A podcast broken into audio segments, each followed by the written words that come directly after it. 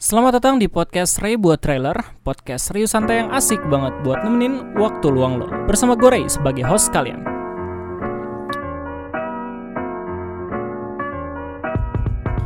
Oke, di episode kali ini gue bakal ngobrolin tentang suatu hal yang sebenarnya di awal gue nggak pengen ngobrolin ini gitu. Bahkan gue juga nggak ngikutin kasus ini dari awal Di mana banyak banget orang yang langsung mention Banyak banget orang-orang yang langsung buat video tentang hal ini Dan banyak banget viewsnya bejibun dan yang segala macem. Gue merasa nggak tergiur sama sekali Meskipun itu bohong. Siapa sih yang gak tergiur sama views ketika lo menjadi konten kreator gitu? Tapi ya ini merupakan perang ideologi lo Dan hati nurani lo Soalnya gue nggak pengen jadi kreator yang selalu manjat yang selalu membuat hal-hal tentang trending. Ntar gue nggak punya personal brand sendiri, makanya gue putuskan untuk tidak membuat terkocak tentang hal ini gitu. Tapi karena ada beberapa alasan tertentu dan gue juga baru ngeliat uh, video terbaru tentang perkembangan kasus ini, gue ngerasa perlu banget buat ngobrolin ini ke kalian semua, khususnya para pendengar setia gue, karena gue nggak pengen banget lu ngerasain hal yang sama dengan apa yang dirasain oleh orang yang bakal kita bahas ini. Oke, sebelum gue bakal ngobrol lebih jauh lagi, udah pasti dan gue gak akan bosan-bosan buat nanyain kabar ke kalian semua. Jadi apa kabar? Semoga kalian baik-baik saja. Oh ya, uh, eh, gue uh, di DM uh, Instagram sama seseorang, dia ngadain podcast gue sambil ngerjain tugas dan sambil belajar. Semoga buat kalian semua yang lagi ngalamin uas, yang lagi apa ya, yang lagi dalam masa ujian akhir sekolah ataupun ujian tengah semester, semoga kalian selalu diberi ke, ke, ke eh, gue udah Semoga kalian selalu diberi kelancaran dan mendapatkan hasil yang terbaik. Oke, kalau misalnya hasil lu nggak terlalu baik, jangan sampai lu ngedon intinya. Tetap santuy dan masih banyak kesempatan yang bisa lu dapatkan. Oke. Baik guys, kita bakal ngobrolin tentang kasusnya Erik. Secara spesifik, gue bakal ngobrolin tentang bagaimana uh, eh, gue ketemu sama dia dan ngobrol sama dia. Soalnya itu merupakan salah satu memorable juga bagi gue. Yang kedua adalah bagaimana kasusnya kasusnya Erik sekarang dan yang ketiga adalah bagaimana tanggapan gue. Kalau misalkan lo mengira bahwa dengan gue dengan gua jadi uh, orang yang ikut YouTube Rewan terus gue masuk ke dalam kubu tertentu itu salah besar. Karena gue nggak pengen jadi kreator yang emang cuma miak beberapa kubu doang. Mungkin ini terdengar egois dan terdengar nyari aman. Cuman gue pengen menjadi orang yang ya orang yang selalu berbaur lah. Orang yang bisa berbaur ke berbagai sisi gitu.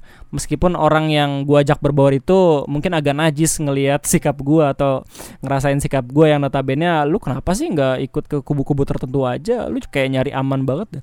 soalnya beda banget cuy feelsnya.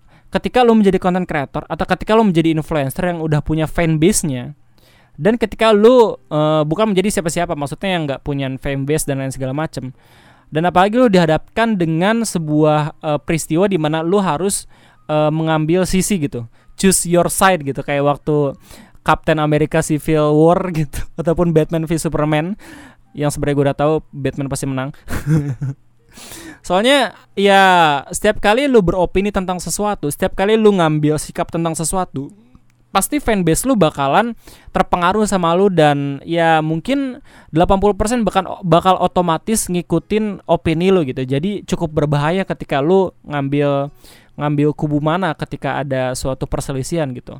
Makanya gue nggak pengen gue dan lu semua para pendengar trail kocak, eh, para pendengar trail kocak, para pendengar podcast untuk menjadi seseorang yang hanya membenci sesuatu hanya dari uh, pandangan seseorang aja. Gue pengen lu open mind, gue pengen lu semua terbuka atas sesuatu dan jangan sampai lu memusuhi seseorang hanya hanya karena opini seseorang gitu. itu merupakan hal yang terburuk. Oke, balik lagi tentang kasusnya Eric Colim.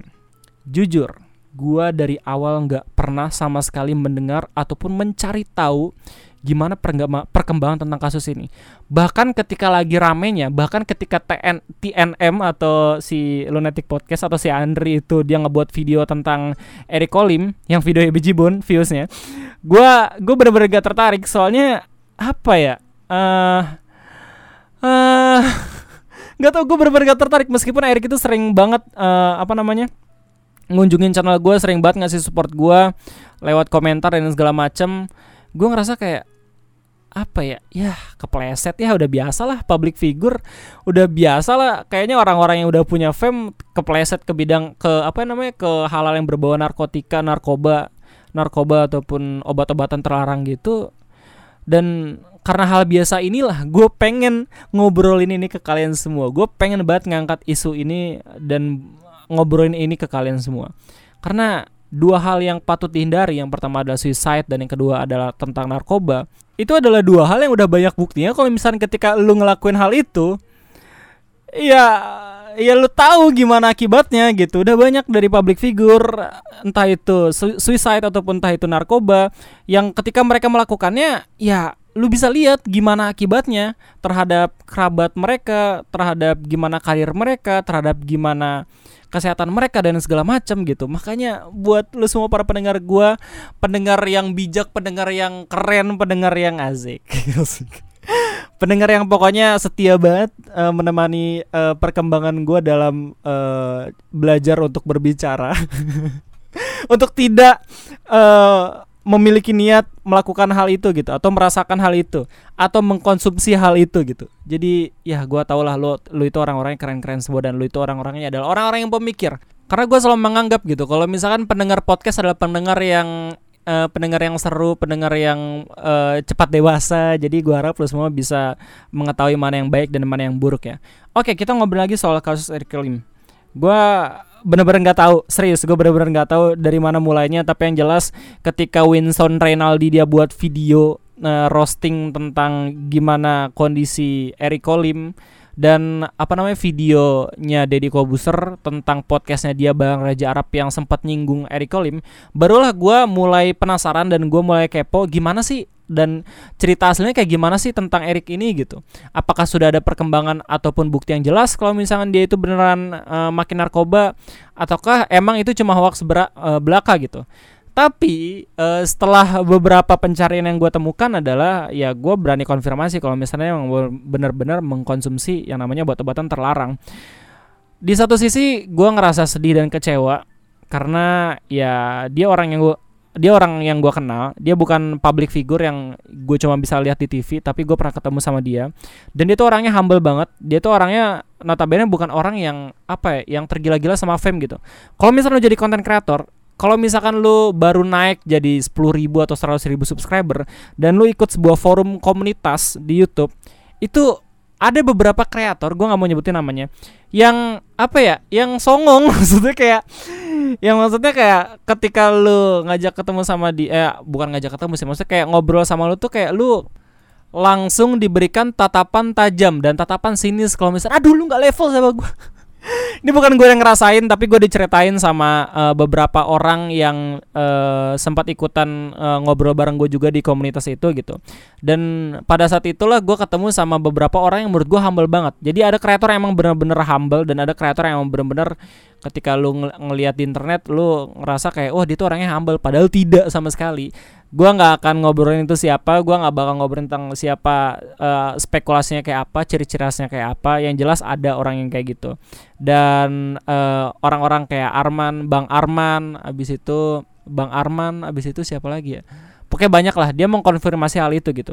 Gue ngerasa senang banget ketemu sama Bang Arman. Buat lo semua yang nggak tahu Bang Arman itu adalah channel YouTube uh, YouTubers konten kreator yang dia ngeproduksi uh, lagu-lagu lucu.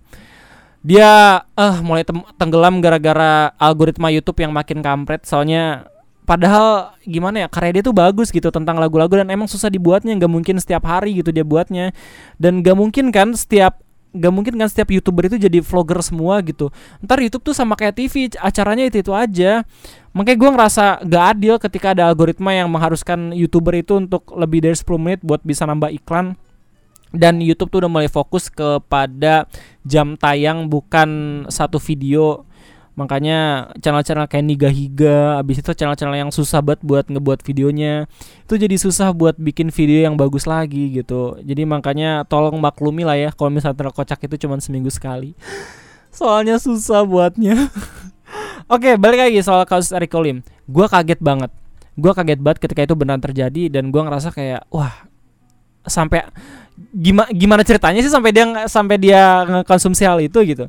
Bahkan gue tuh sampai kepo tuh sampai bener-bener uh, cek ke dalam website uh, apa namanya kejaksaan kejaksaan agung atau apa gitu gue lupa. Dan gue juga sempat kepo beberapa youtuber atau uh, apa namanya geng-geng sabun gitu kayak Dylan sama si Michael Sow gimana respon dia terhadap itu sebenarnya nggak ada ternyata nggak ada respon kayak gimana. Tapi ada beberapa video yang emang yang emang ngasih tahu ke kita kalau misalnya itu tuh ngebicarain tentang Eric gitu. Dan pada akhirnya ya lu tau lah gimana kondisi dan gimana uh, perkembangannya karena emang udah terbuka. Dan karena juga udah banyak banget berita yang ngomongin tentang dia. Jadi gua harap lu bisa ngambil apa ya bisa ngambil pelajaran lah dari apa yang dilakukan oleh Erik untuk nggak lu lakuin lagi ke depannya. Itu soalnya dia udah dalam lagi dalam tahap puncak-puncaknya gitu. Maksudnya kayak dia udah menjadi kreator yang emang udah uh, dikenal banyak orang. Habis itu ya dia juga udah punya fame, dia juga udah punya brand sendiri kalau nggak salah, dia juga udah punya tim. Makanya salah satunya satu-satunya yang bisa menghancurkan semua kejayaan itu adalah dua hal yang tadi gitu atau kalau misalnya lu ada opini ataupun ada pendapat tentang hal lain yang bisa menghancurkan dinasti kesuksesan lu silakan kolom komentar ya. Silakan komentar di DM Instagram gua. Tapi setelah kasus itu gua ngerasa kayak gua ngerasa kayak aduh jangan sampai nih jangan sampai teman-teman gua satu angkatan youtubers juga ngalamin hal yang sama gitu. Gua berharap mereka semua nggak punya niatan yang kayak gitu juga gitu. Punya niatan yang sama kayak Eric gitu jadi gue gak akan sekali-kali bosan buat mengingatkan lo untuk tidak uh, merasakan dua hal yang tadi, yang tadi gue bilang. Jadi jangan sampai ya, kalau misalnya lo benar-benar ketahuan, gue marahin, gue gue pukulin.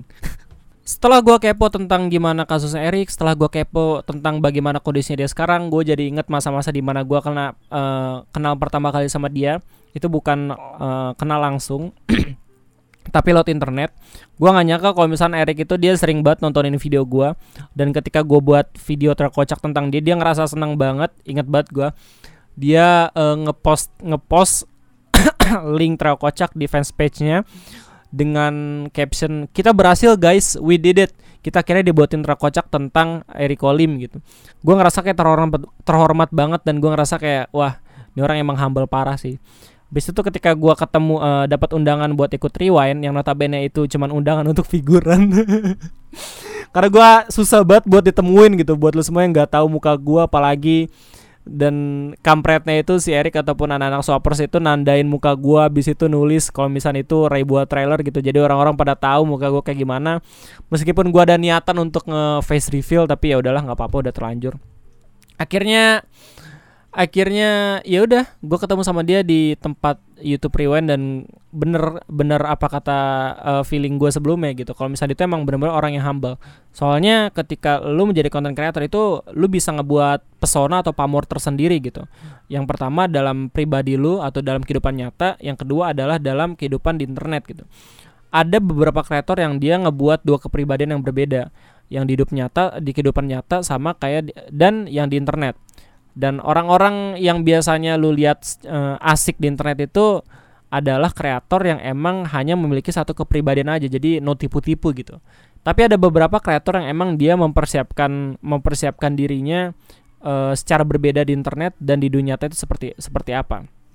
Jadi nggak usah heran kalau misalkan fenomena itu emang banyak banget uh, dialamin dan uh, dibuat oleh kreator-kreator idola kalian. Oke lanjut Nah, tanggapan gue kayak gimana soal kasusnya Erik? Gue ngerasa sedih banget ketika gue ngelihat video dia difonis satu tahun rehabilitasi dan banyak banget komentar-komentar suportif yang apa namanya yang menunggu dia untuk buat video lagi satu tahun ke depan karena notabene itulah yang dibutuhkan eh, orang-orang uh, yang lagi ngalamin hal itu gitu itulah yang dibutuhkan eh, bagi orang-orang yang memang punya masalah kejiwaan. Sorry, gue nggak ngomong Erik punya masalah kejiwaan. Maksud gue ada kalau misalkan ada beberapa di antara teman kalian yang merasakan uh, hal-hal kayak mental illness dan lain segala macam, itu merupakan salah satu uh, aspek yang dibutuhkan gitu. Aspek wajib yang harus harusnya tuh lu uh, tahu gitu kalau misalnya dia itu perlu dikasih suportif gitu. Selalu dikasih uh, masuk uh, arahan selalu dikasih perhatian buat lo semua. Dan salah satunya dengan melihat komentar-komentar di videonya Erik yang terbaru yang ngomongin soal uh, pengadilan Erik itu gue ngerasa kayak wih fan fanbase nya asik nih gitu. Maksudnya kayak nggak toxic meskipun dia itu orangnya toxic buat konten gitu tapi fanbase nya enggak. Karena fan fanbase nya tahu gue yakin mereka itu tahu kalau misalnya Erik itu adalah orang yang humble gitu setelah ngeliat video itu gue jadi inget banget sama satu video di mana video itu memperlihatkan dua orang yang yang pertama itu adalah uh, uh, jaksanya jaksa atau ininya ya uh, hakimnya. Dan yang kedua adalah uh, tersangkanya. Yang ternyata itu hakimnya itu adalah temen SD-nya si tersangka itu gitu. Yang sampai hakimnya bilang kayak uh, Mr. Michael ya sebutnya namanya Michael ya saya nggak nyangka kalau misalkan temen SD saya yang duduk di bangku saya bisa menjadi seorang kriminal seperti anda gitu. Padahal anda itu dulu adalah orang yang baik. Gila, lu bayangin, lu abis itu abis uh, dia uh, si tersangka itu mendengar kalau dan tahu kalau misalkan si hakimnya itu adalah uh, teman SD-nya yang dulu, dia ngerasa kayak terpukul banget langsung nangis. Lu harus lihat videonya deh. Gue gue nge-share di mana ya tentang video ya? Di DM kalau misalnya lu pengen dan penasaran tentang videonya silakan DM gue dan gue bakal ngasih link ke kalian oke? Okay? gue lupa banget soal itu pakai bahasa Inggris. Dan lu bayangin ketika uh, lu di di apa ya? Ketika lu berada dalam posisi tersangkanya gitu. Ketika lu menjadi seorang tersangkanya. Mendengar hal itu kayak uh, ternyata si hakimnya itu adalah sahabat baik lu lu tuh langsung ngerasain dua hal. Yang pertama itu adalah penyesalan karena uh, lu berada di jalan yang salah. Karena ngelihat teman SD lu udah menjadi orang yang besar ini udah menjadi orang yang memiliki suatu posisi tertentu. Dan yang kedua adalah penyesalan karena lu emang benar-benar berbuat buruk gitu. lu bayangin lu langsung tobat. Lu lihat kalau misalnya lu lihat video dia tuh langsung nangis bener-bener nangis. Uh, dia tuh kayak oh, soalnya tersangka itu mukanya sangar gitu terus ngelihat dan tahu kalau misalkan hakim itu adalah teman kecil dia dia langsung kayak anjay gua kenapa? gitu. Dan lu lihat komennya deh lu lihat komen di video-video itu gitu.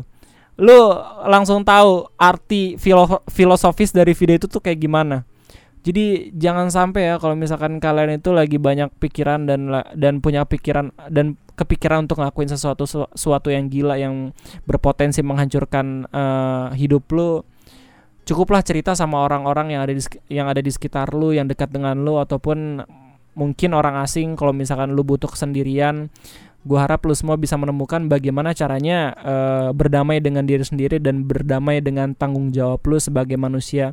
Karena uh, hidup itu yang gue pahami adalah nggak cuma di dunia juga cuy tapi di akhirat. Jadi sebaik-baiklah lu menjadi manusia dan sebaik-baiklah lu untuk bisa berbuat baik ke sesama gitu mainkan rasa empati lu karena empati lu itu bisa uh, apa ya bisa mengobati lu dan bisa mencegah lu dalam melakukan sesuatu yang buruk.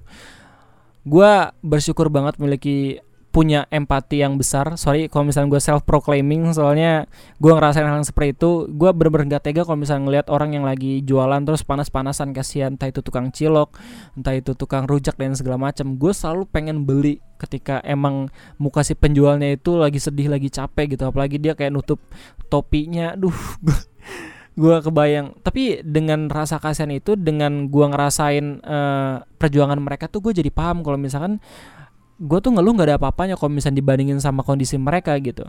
Jadi buat lo semua yang memang yang memang sampai sekarang masih terbebas dari hal-hal yang berhubungan dengan dua tadi yang udah gue sebutin, kemudian kalian tetap bisa bertahan, mudah-mudahan kalian tetap bisa menemukan uh, jalan kalian, bisa menemukan uh, track ataupun uh, jalur untuk bisa menggapai cita-cita kalian. Dan kalau misalnya memang kalian lagi suntuk, kalau misalnya kalian lagi berpikir ataupun lagi apa ya kepikiran kalau misalkan uh, gua tuh stuck stuck aja di sini-sini doang gitu. Jangan khawatir karena nggak cuma lo doang, hampir semua orang tuh pasti merasakan hal yang sama. Itu merupakan sebuah pola hidup yang memang uh, terjadi di setiap manusia. Jadi lu bisa lu bisa justru lu bisa memanfaatkan ketika lu tahu kalau misalnya semua orang uh, bisa mengalami hal yang sama tentang hal itu. Jadi gua harap lo selalu bisa menemukan alasan untuk selalu bersemangat dalam uh, menggapai tujuan lo, menggapai impian lo dan mudah-mudahan dengan podcast ini dengan sedikit uh, pep talk tentang kasusnya Eric Olim, lu bisa semakin bisa lu bisa semakin bisa anjir. Gak EYD banget gue kalau ngomong anjay. Terlalu berbelit-belit. Dan gue sadar jangan khawatir gue lagi belajar buat bisa berpola ya ngomongnya. Oke lanjut. Pokoknya intinya Gua harap lu semua bisa menemukan alasan untuk bisa selalu tuh kan. Kenapa sih? Aduh, ngulang mulu. untuk bisa selalu menemukan alasan kenapa lu harus tetap berjuang sampai sekarang. Lu bisa temukan alasan lu, alasan lu itu dalam keluarga lu, dengan ngelihat orang tua lu, bahkan dengan ngelihat teman-teman lu gitu meskipun itu nggak baik kalau misalnya lu selalu ngelihat teman-teman lu terus lu iri gitu jangan sampai ya jangan sampai kayak gitu. Intinya jadikan semua itu sebagai motivasi aja bagi lu semua. Kalau misalnya lu merasa lu lagi uh, lu lagi kecil lu, lu lagi minder sama kemajuan teman-teman lu jangan khawatir karena lagi orang berbeda-beda tetap semangat dan gue sama doakan lu semua agar bisa menjadi orang yang lebih baik dan agar bisa menggapai cita-cita dan impian lo. Mudah-mudahan dengan podcast ini dan mudah-mudahan dengan kasus yang gue omongin ini lu semua bisa terbebas dari hal-hal yang nggak seharusnya lu coba dan rasakan meskipun di awal pasti kalau misalnya lu uh, mengkonsumsi obat-obatan itu lu bakal seneng dan lu ngerasa kayak pikiran lu hilang uh, apa namanya semua masalah lu hilang tapi dari beberapa artikel dan internet yang gue baca ya itu merupakan uh, zat adiktif yang ngebuat lu ngerasa kayak semakin lama lu mengkonsumsinya semakin lama lu membut uh, semakin lu merasa kalau misalkan lu itu membutuhkan obat-obatan itu. Jadi lebih baik jangan sampai lu ngerasain hal itu gitu. Sebisa mungkin mencegah karena mencegah lebih baik dibandingin mengobati. Dan uh, ini mau mau mau penutupan tapi gue inget satu hal topik satu hal. Jadi gue lagi baca tentang perjalanannya Fiersa Besari uh, judulnya apa gitu lupa. Gue selalu lupa kalau misalnya gue ngomongin soal judul atau pernah hal yang penting gitu. Sorry kalau misalnya gue itu orangnya pelupa. Di buku itu tuh dikasih tahu kalau misalnya Versa itu dulu merupakan orang yang emang sering mabuk-mabukan. Dia tuh emang sering uh, dia tuh emang orang yang eh, nggak uh, bisa nolak ketika orang itu ketika ada orang lain yang emang uh, memberikan sesuatu yang berhubungan dengan alkohol dan lain segala macam untungnya nggak narkoba sih tapi ya alkohol dan mabuk-mabukan doang. Dan kebetulan karena dia juga orang band anak band jadi sepertinya udah bukan rahasia umum lagi ya kalau misalnya anak band sering aduh aduh. Tapi untungnya setelah gue ngebaca beberapa uh, lanjutan ceritanya dia semakin tahu dan dia semakin paham kalau misalkan kebiasaan dia tentang mabuk dan lain segala macam itu merupakan kebiasaan yang buruk. Jadi buat lo semua yang sampai sekarang masih belum ngerasain hal itu dan nggak sama sekali pengen ngerasain hal itu good job karena lu udah berada di jalan yang benar doakan semoga gue bisa menyelesaikan uh, bacaan bacaan gue perjalanan tentang Fiersa Besari uh, mengelilingi Indonesia secepat mungkin. Karena ketika gue membaca ceritanya gue bener-bener pengen banget jadinya untuk traveling ke seluruh dunia. Ya setiap orang memang selalu iri ya terhadap sesuatu. Tapi kalau misalnya irinya baik ya kenapa lah harus disalahin iya gak sih Hah, itu aja mungkin dari gue. Terima kasih karena udah mendengarkan bacotan gue dan downloadan gue juga udah selesai. Gue pengen banget buat video tentang dobleh karena gue baru tahu videonya itu lucu banget anjir orang mabuk ditanya sama polisi. buat lo semua yang masih menginginkan gue buat rekocak tentang kasusnya Erik ini, mohon maaf kalau misalnya gue nggak akan buat dan gue juga nggak akan uh, pernah buat video tentang uh, kesulitan orang lain ataupun hal-hal serius karena gue nggak pengen banget uh, buat candaan buat candaan tentang hal-hal yang seharusnya tidak dijadikan bahan candaan. Jadi itu aja mungkin podcast dari gue. Terima kasih dan sampai jumpa. Oh ya, by the way, gue senang banget karena gue baru lihat kalau misalnya podcast yang lu denger sekarang ini, Reboot Podcast ini masuk top 50 besar podcast di Indonesia. Asik. Gila tepuk tangan buat kalian semua. Asik. Terima kasih banyak buat lu semua yang udah ngedengerin podcast ini. Ya meskipun gua nggak dapet duit dari podcast ini, tapi yang jelas gue senang banget bisa berbincang sama kalian semua. Gue juga senang banget gue bisa mm, berbagi pengalaman dan berbagi bahan bicara dengan lu semua. Jadi uh, selalu doakan gue semoga gue bisa selalu berkembang dan selalu bersemangat dalam nge-share hal-hal yang mungkin aja asik buat buat kita bicarakan. Oke. Okay? Dan mudah-mudahan uh, beberapa bintang tamu juga bakal hadir lagi selain Egi. tapi kayak tapi kayaknya sampai sekarang baru Egi doang deh yang mau gue ajakin. Itu aja dan sampai jumpa.